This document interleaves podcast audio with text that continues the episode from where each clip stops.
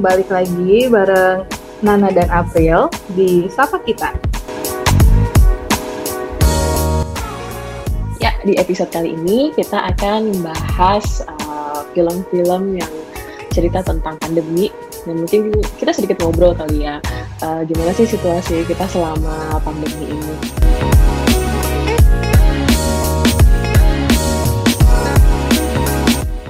Uh, kalau aku sih film tentang pandemi yang aku tonton itu uh, Contagion film tahun 2011 itu yang menurutku sih yang dapat itu ininya sih uh, apa ya kepanikannya gitu. Kayak kalau pandemi itu situasinya kayak gimana sih istilahnya? Uh, kondisinya tuh kayak hmm. orang nggak sadar aja tiba-tiba udah ada yang kena apa tertular virus langsung uh, meninggal dan lain tuh jadi kayak situasinya panik tak, takut itu yang gue dapat dari film Contagion kalau lo ada film-film ini nggak tentang pandemi yang akhir-akhir ini lo tonton? Kalau film pandemi yang akhir-akhir ini gue tonton sih, jujur nggak ada. Oh ya? Kenapa? Nggak ada. Karena perasaan banyak kan di foto di TV-TV gitu, film-film tentang pandemi. Iya, cuma uh, jujur aja selama masa pandemi ini tuh gue sendiri pribadi membatasi diri gue untuk uh, tidak terlalu banyak menerima informasi dalam bentuk apa pun ya. Informasi tentang corona lah isu apalah politik lah kayak gitu loh. Karena uh, apa ya? Berarti lu kayak sengaja isolasi diri gitu ya dari uh, informasi iya iya jadi kalau saat kalau gue ngebayangin tuh kayak lagi nonton TV terus ada berita tentang corona lo ganti channel gitu. Well sebatas kalau misalnya sebatas informasinya tuh eh, nggak uh, terlalu berat sih gue kadang masih bisa sih nonton berita gitu. Mungkin di awal-awal di awal-awal gue cukup ngikutin ya perkembangannya gitu. Cuma setelah gue pribadi merasa kayak apa ya sedikit akhirnya terganggu dengan informasi itu ya udah hmm. gue mulai untuk membatasi diri gue sendiri gitu. Masih kayak gitu. Salah satunya dengan tidak menonton film-film yang berbau tentang isu-isu kayak gitu. Jadi uh, sejak jujur aja sejak pandemi corona ini tuh gue banyak nonton Running Man ya kan? Terus oh justru lo cari ini ya kayak uh, tontonan-tontonan yang bikin lo lupa gitu sama situasinya. Yes, benar banget. Kalau lo sendiri, kenapa lo suka uh, nonton film uh, saat pandemi kayak gini? Gue tuh sebenarnya kepo aja sih kayak apa ya kayak gimana sih situasi pandemi itu gitu. Jadi ya nggak cuma nonton film sih, tapi kadang-kadang tuh kayak ya baca beberapa uh, apa ya berita-berita atau artikel-artikel yang tapi gue suka artikel-artikel itu yang ngasih analisis gitu loh. Hmm. Misalnya kayak uh, kayak sebenarnya solusi pandemi ini apa sih? Nah kayak gitu kan orang selalu bertanya-tanya kan. Nah termasuk gue. Termasuk gue gitu. Ini sebenarnya kayak gimana sih? Mau ngapain sih? Kayak gitu. Atau uh, solusinya apa sih? Itu itu sih yang yang kadang ada di otak gue. Tapi gue paham sih kadang-kadang gue sendiri juga kayak ngerasa burn out gitu loh. Sama kebanjiran informasi kebanjiran berita tentang corona gitu ya. Tapi kalau gue jujur kalau nonton TV atau nonton film itu nggak terlalu bikin parno atau bikin takut gitu ya. Tapi kadang uh, ini sih informasi via sosmed itu loh. Yang kalian kan kayak ada mungkin yang ya ini gue nggak bilang semua informasi di sosmed itu uh, jelek atau salah gitu ya. Cuman tuh ada beberapa informasi misalnya yang gue dapet dari uh, apa WhatsApp group atau dari uh, apa Twitter gitu yang menurut gue kayak satu nggak ngasih informasi, yang kedua tuh kayak justru mancing emosi aja gitu, bikin takut, rasanya bikin parno, kayak iya sih kayak kadang tuh aduh gitu.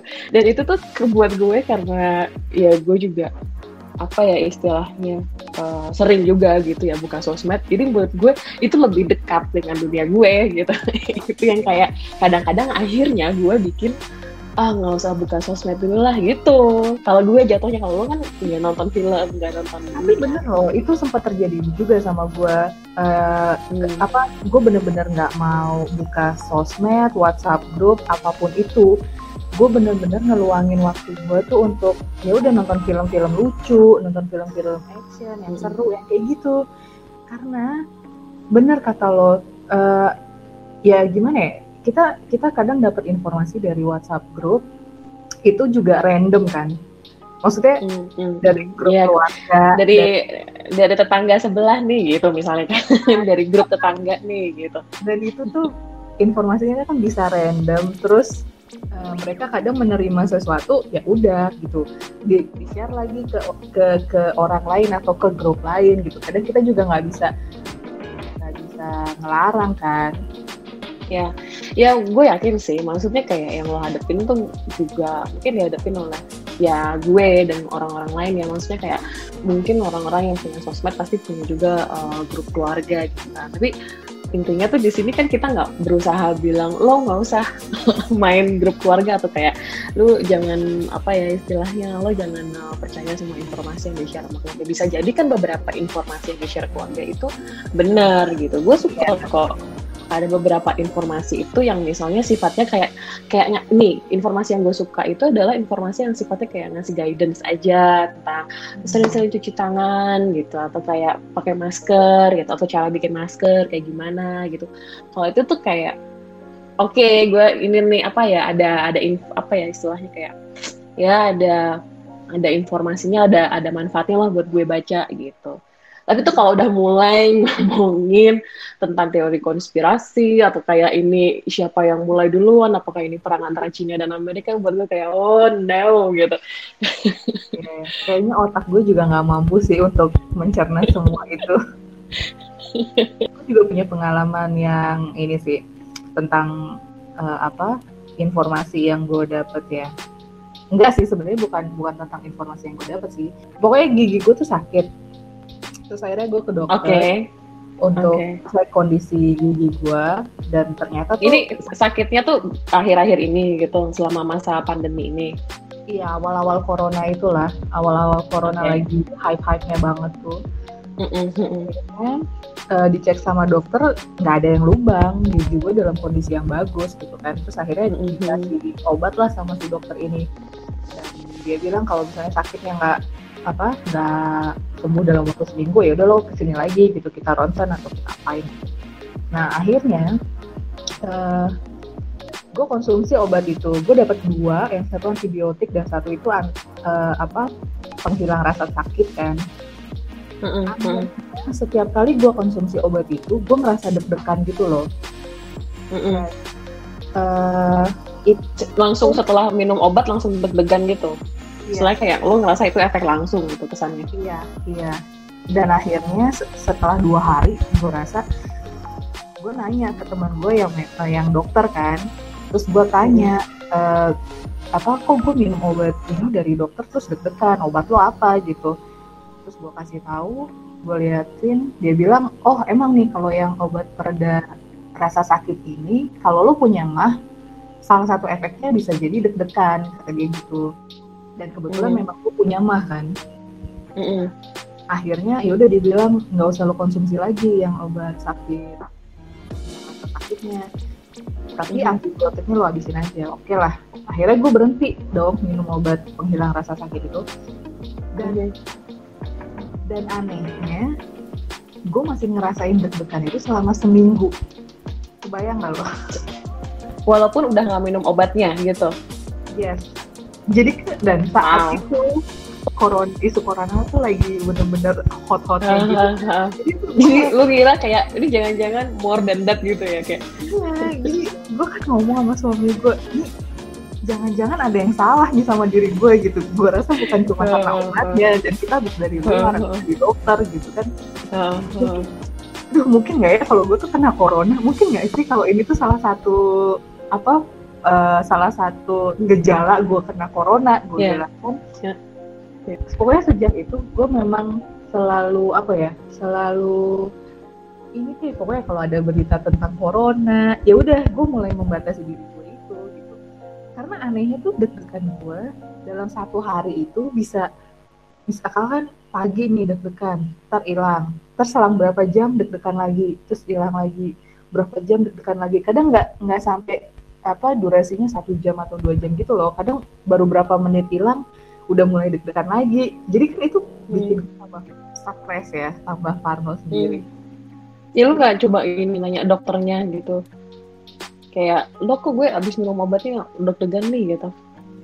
Uh, eh, gue nggak tahu ya. Mungkin saat itu kan ya suami gue juga berpikir ya enggak kali kamu tuh cuma ini aja lah kebanyakan apa sih ya mikir itu corona jadinya lo jadi stres. Oh lebih ke psikis gitu.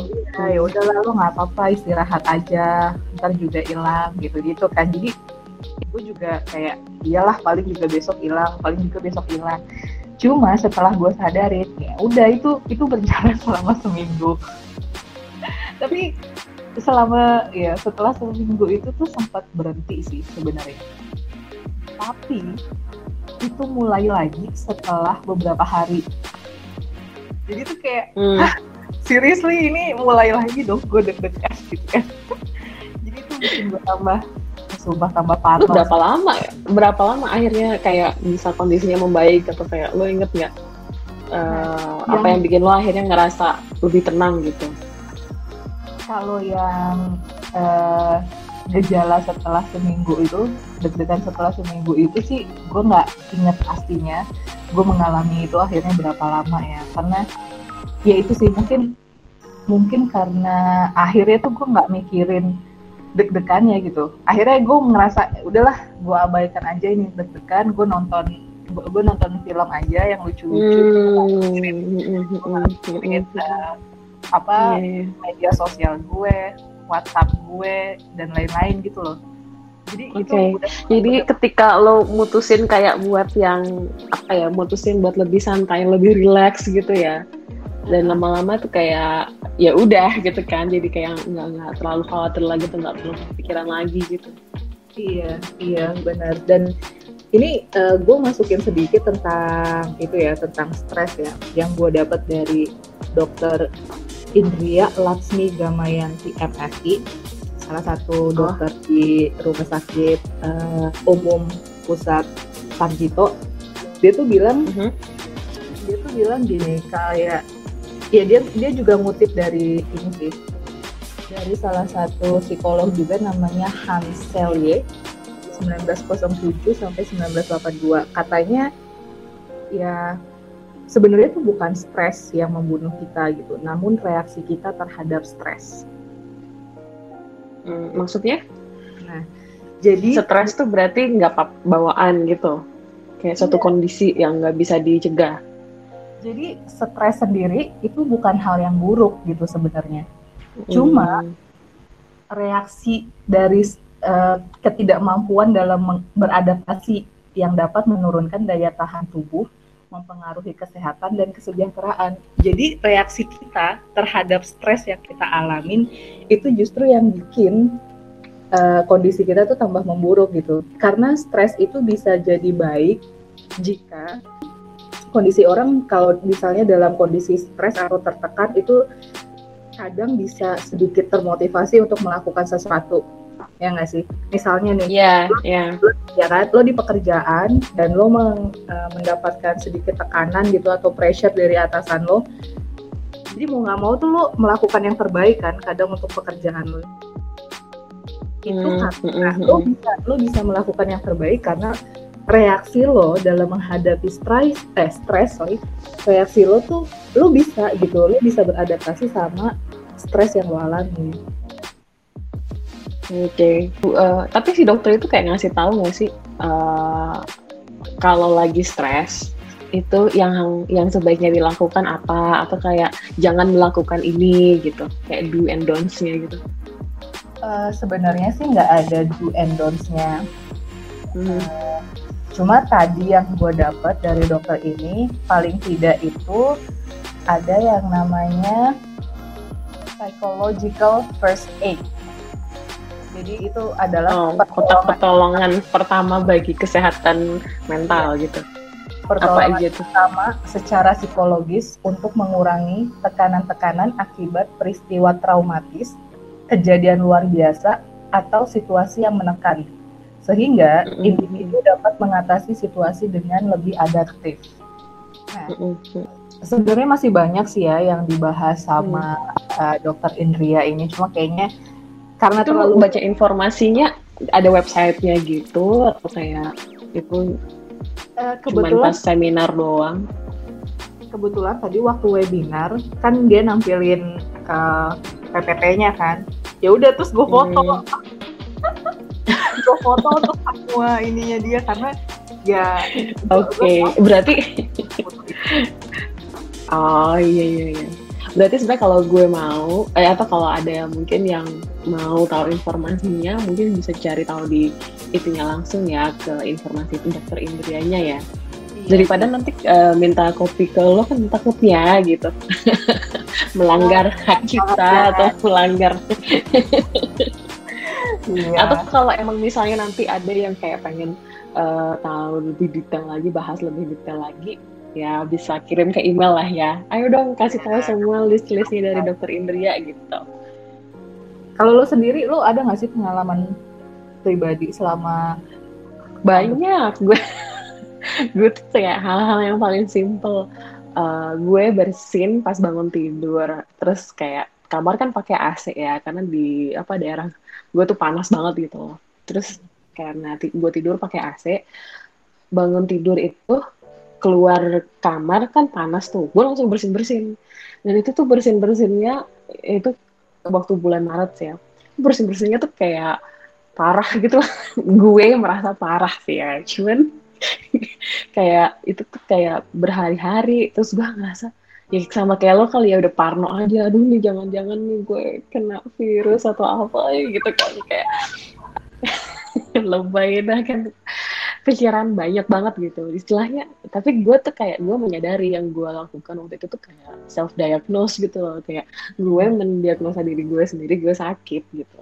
Padahal uh, mungkin nggak kayak gitu. Kalau gue bawa apa bawa santai aja mungkin nggak. Itu kayak normal aja gitu jatuhnya. Uh, itu sih. Yang gue ingat-ingat tuh pokoknya oh ya itu juga salah satu uh, manfaat gue nonton TV atau yang baik nyari-nyari informasi ya gue tuh selalu nyari uh, gejala-gejala kena virus corona tuh apa gitu kan. Terus yang gue paling inget itu dan emang yang paling sering di apa ya istilahnya yang paling sering disosialisasiin itu kan suhu badan. Kayak kita kalau dulu kan sebelum ada PSBB itu kalau ke mana-mana pasti cek suhu badan dulu kan. Nah gue tuh akhirnya kayak gitu gue bersin-bersin gue cek suhu badan gue nih belum demam aman aman gitu. Jadi kayak gue salah mungkin kesada kayak gue nyari pembenaran gitu loh. Oh enggak enggak enggak. Tenang tenang tenang. Belum demam belum demam gitu. Cuman kalau gue sih bawanya akhirnya emang bener sih kayak kayak yang mau bilang gue kayak uh, ujung-ujungnya kayak ngalihin perhatian aja gitu. Uh, kalau gue tuh ngalihin perhatiannya ya karena punya anak juga ya. Jadi kayak gue gue mengakui sih selama pandemi ini gue lebih banyak ngikutin jadwal anak gitu. Hmm. kayak misalnya anak anak bobo siang ya gue ikutan bobo kayak gitu aja. Anak lagi apa bangun terus dia pengen main ya gue ikutan main kayak gitu sih. Cuman emang uh, apa salah satu uh, ininya lagi apa ya yang gue pikirin lagi itu kayak ini kerjaan gue gimana nih kabarnya? gitu. Yeah. gue juga ada beberapa uh, kalau gue baca di Twitter ya ada beberapa tuh orang tua orang tua yang kadang mengeluh kan ketika work from home itu produktivitasnya jadi menurun gitu ya gue bisa paham sih kondisinya gitu. Mungkin kalau gue alhamdulillah tuh kayak anakku belum sekolah. Tapi kalau yang anak-anaknya sekolah itu kan mereka di rumah juga harus ngajarin anaknya karena menggantikan posisi guru gitu kan. Iya. ya ya istilahnya tuh kayak jadi orang tua tuh udah harus kerja di rumah terus nambah peran lagi harus jadi guru di rumah terus juga harus jadi entertainer buat anak-anak yang nggak bisa keluar. Karena anak-anak itu mungkin kalau yang umurnya udah lima tahun ke atas udah ngerti bosen gitu kan kalau di rumah terus kayak nggak bisa keluar rumah gitu. Itu ya kalau gue sih menyadari kayak orang tua yang seperti yang mengalami kondisi seperti itu butuh effort yang lebih keras gitu loh. Untuk untuk bisa ini ya ngasih pemahaman ke anak-anak kenapa nggak boleh keluar rumah terus gimana caranya biar anak-anaknya nggak bosen kayak gitu. Jadi kalau gue sih ya itu ketika gue ngikutin jadwal anak satu sisi aku uh, ngerasa seneng banget sih alhamdulillah gitu. Jadi lebih apa ya quality time sama anak lebih banyak sama keluarga juga lebih banyak. Uh, cuman kayak sekarang harus nyari cara gimana caranya biar tetap bisa produktif urusan yang lain juga misalnya urusan kerjaan kayak gitu. Kalau kalau di gue tuh kayak urusan kerjaan. Jatuhnya tuh gue kayak kalau udah anak tidur atau apa ya kalau lagi ada waktu emang lagi pengen kerja ya udah kerjain aja kayak gitu. Untungnya sih kerjaan gue sekarang nggak menuntut jam kerja ya jadi harus on apa namanya standby dari jam 9 sampai jam 5 gitu misalnya. Untungnya nggak kayak gitu tapi mungkin uh, gue ngebayangin kalau yang harus standby juga mungkin lebih gede lagi challenge-nya kali ya buat bagi-bagi waktu di rumah gitu sih peluk dan cium buat semua orang tua ya mereka cukup kesulitan selama WFH harus ngurus iya.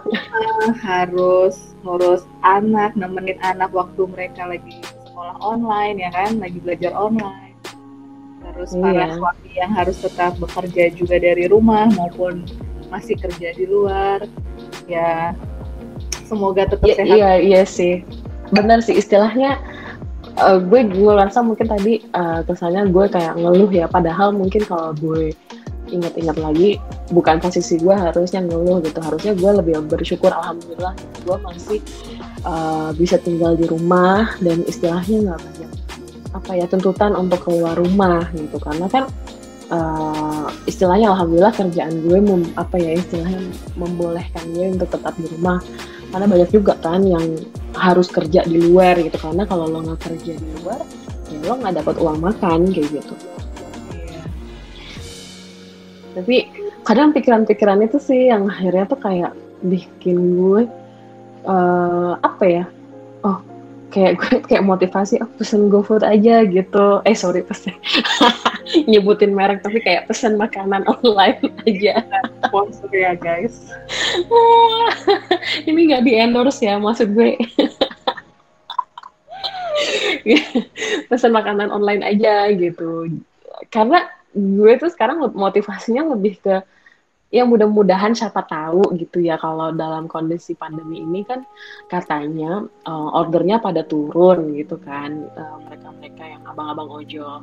Nah kalau misalnya gue tuh kayak gue order terus ngasih ya beberapa ini tips atau inilah jadi kayak minimal bisa bisa tetap nambah ininya lah apa ini uh, ngasih bukan ngasih sih istilahnya bisa tetap membantu roda perekonomian gitu kali berputar setuju sih gue uh, tapi beda sama kasus gue kalau untuk pesan apa makanan online nah sayangnya kalau di tempat gue itu kan memang ada posko apa ya kayak posko di depan gitu ya jadi yang emang mm. emang yang bertugas untuk memastikan gitu nggak semua orang luar bisa masuk ke area kampung gue gitu. Jadi kalau misalnya gue pesan makanan online itu yang ada makanannya akan berhenti di pos di posko depan dan gue harus jalan ke sana gitu. Ya di satu sisi uh, gue emang orangnya suka males jalan keluar sih gitu. Apalagi kalau siang-siang gitu lagi panas terus gue jalan keluar ngambil ke depan gitu kan itu mm -hmm. satu males banget. Kedua itu abang gojeknya nggak bisa masuk juga ya? Jadi kayak harus lo yang keluar kalau emang. Lo nyebut lagi maaf abang abang ojol. Iya gitu. Jadi ya gimana sih? Jadinya kan kita males juga ya.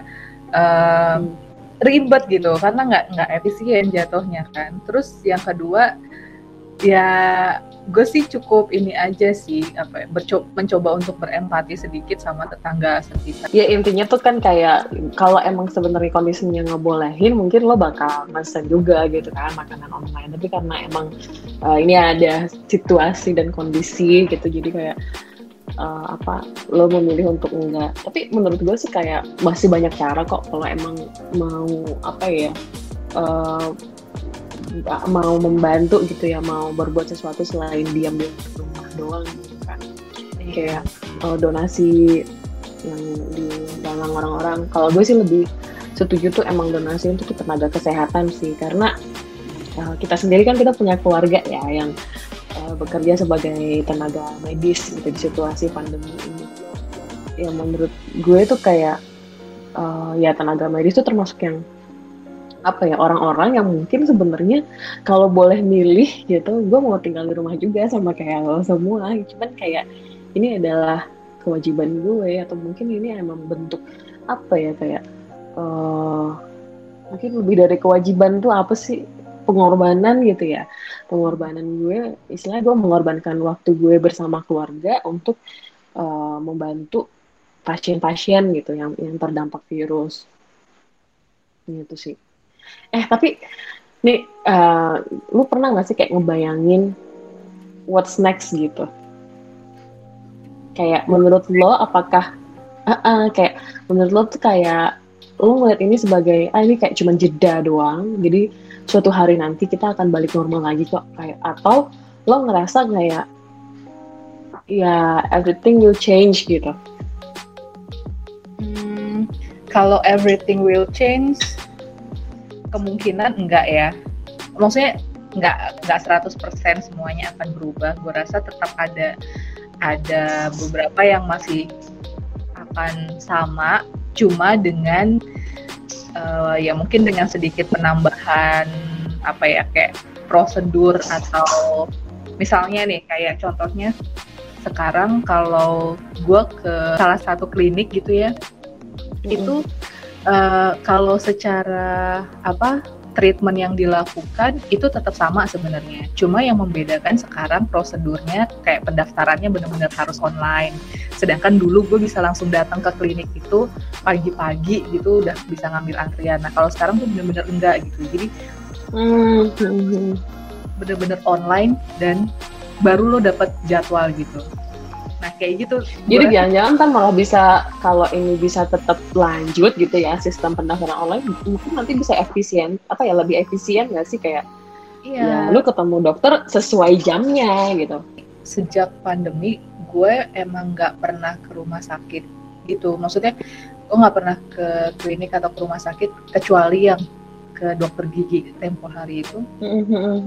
Karena uh, yang lainnya gue selalu konsultasi lewat uh, online sekarang. Nah iya benar-benar.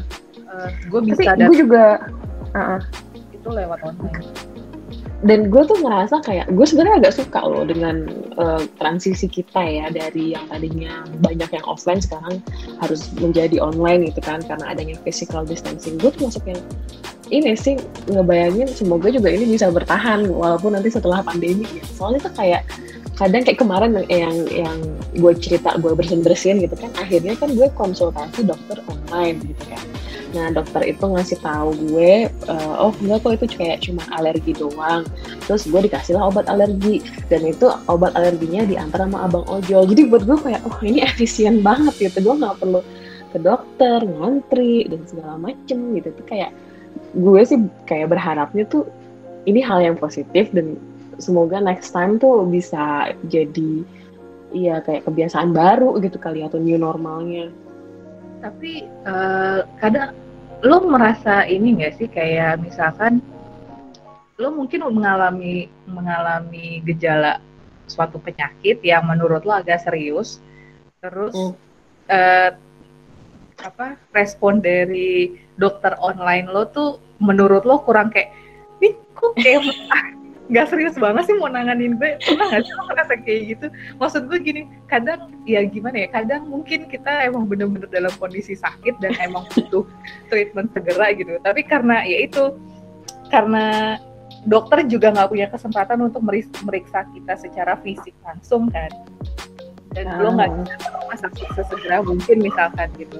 Sedangkan semua konsultasi lo lakukan secara online gitu. Dan lo tiba-tiba dapet obat yang entah itu memang tepat atau enggak lo pernah nggak sih ngerasa kayak itu bisa terjadi? gue sih uh, ya gue tipikalnya yang agak percayaan gitu ya. Tapi kayak ini sih uh, ada beberapa filternya sih. Misalnya kayak waktu kan di apa kalau di aplikasi itu kita bisa lihat profil dokternya kan. Nah biasanya tuh kayak gue cari yang pengalamannya lebih banyak, apa lebih lama gitu ya. Kan ada yang pengalaman berapa tahun kayak gitu. Pengalamannya lebih banyak. Terus uh, kalau chatting pun tuh kayak ya gue ceritain lah pokoknya semua dari gitu uh, sedetail mungkin terus gue dikasih obat kan nah biasanya tuh waktu obat itu tuh gue ngerasain dulu kan biasanya tiga hari deh uh, yang gue coba tuh kayak coba dulu deh tiga hari kalau emang kondisinya membaik. Oh berarti cocok. Kalau enggak ya cari dokter lain gitu aja sih. Oke. Okay. karena gini sih oke okay, ini bukannya gue mau bilang bahwa aplikasi apa ya aplikasi kesehatan kayak gitu atau konsultasi online itu tidak baik ya atau kurang baik. Cuma uh, kalau menurut gue pribadi sih gini, uh, kadang kita didiagnosa secara langsung aja diagnosanya tuh bisa salah gitu. Diperiksa hmm. sama dokternya langsung aja kadang diagnosanya bisa salah dan itu terjadi pada salah satu anggota keluarga gue gitu. Bahkan hmm. sampai dua kali dia periksa di dokter yang berbeda di tempat yang berbeda diagnosanya tuh beda. Ngerti gak sampai akhirnya mm-hmm. dia periksa lagi ke tempat yang ketiga. Uh, akhirnya dikasih tahu bahwa penyakitnya itu adalah ini loh gitu. Dan lo harus segera operasi gitu. Jadi kebayang nggak lo? Ya iya sih. Berarti istilahnya kekurangannya di situ ya ini kalau yang online yang mungkin harusnya ada ada sedikit perbaikan. Nah, kalau gue sih uh, yang gue kayak bayangin ya, what next after pandemi. Yang pertama sih just apa ya, uh, paling penting emang gue berharap semoga pandemi ini bisa cepat selesai gitu ya.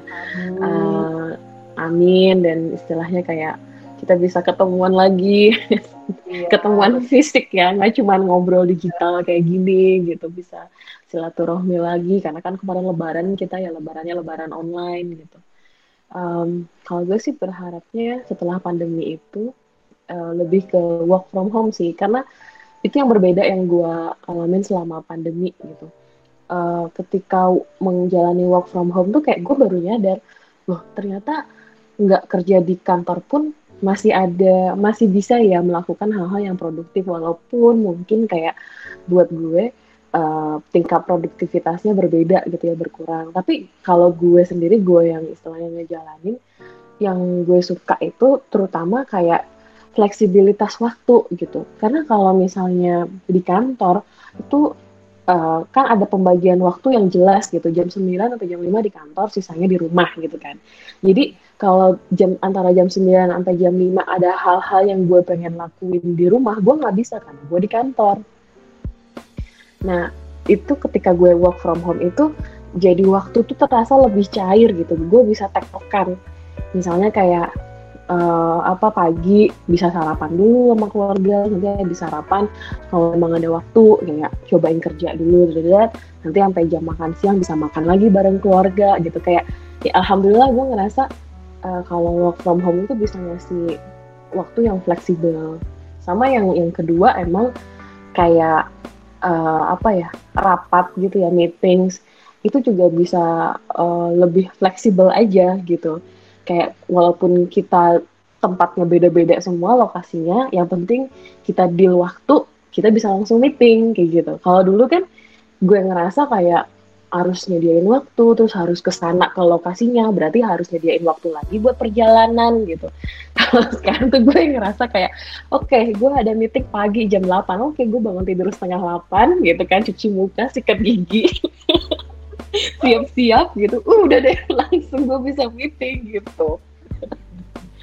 Ini padahal cuma pakai ini doang ya pakai make up doang padahal baju lo masih iya kan iya kan kayak kayak lagi hype juga kan kayak atas rapi bawah terserah gitu kan.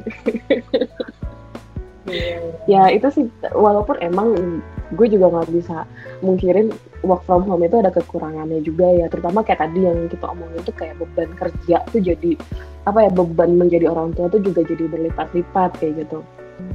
Ya mudah-mudahan uh, pandemi ini cepat selesai terus kayak mudah-mudahan kita semua sehat-sehat. Sehat fisik sehat mental juga. Harapan lo apa nih? Harapan gue buat semua pendengar ya di mana pun kalian berada dalam kondisi yang sehat uh, jangan putus asa. Pokoknya tetap semangat terus ya kan? Gue tahu sih gue paham bang pasti kondisinya untuk setiap orang itu beda-beda ya uh, contohnya kayak gue juga yang gue adalah seorang ibu rumah tangga ya kan? gue merasa gue jadi lebih produktif gitu dalam hal memasak ya kan? Karena selama ya selama suami iya lu banyak banget ya stok makanannya bikin gue ngiler mulu lihat foto-fotonya. Iya kan? Karena ya itu selama suami F uh, apa WFH kan jadi um, apa kita emang jarang banget keluar kan. Paling keluar ya seminggu sekali untuk belanja untuk satu minggu ke depan gitu. Jadi karena kita emang berusaha untuk ngebatasin waktu keluar kan. Ya udah hari-hari gue masak bikin coba resep baru menu baru gitu kan yang yang tadinya menurut gue setiap kali gue masak tuh hasilnya ya rasanya pas-pasan lah ya. Dan kayaknya sekarang itu jadi lebih oke okay lah. Bisa iya. dan lebih dan siapa tahu kan nanti bisa jadi usaha kecil-kecilan lo juga gitu kan nanti nah, kalau emang itu lo, seri, lo, lo mau nyeriusin gitu. Iya itu positifnya sih yang gue lihat dari uh, apa kondisi saat ini ya. Banyak teman-teman gue juga yang uh, mereka itu apa uh, akhirnya memang kerja dari rumah dan alhamdulillah mm -hmm. kita malah bisa bikin usaha gitu loh.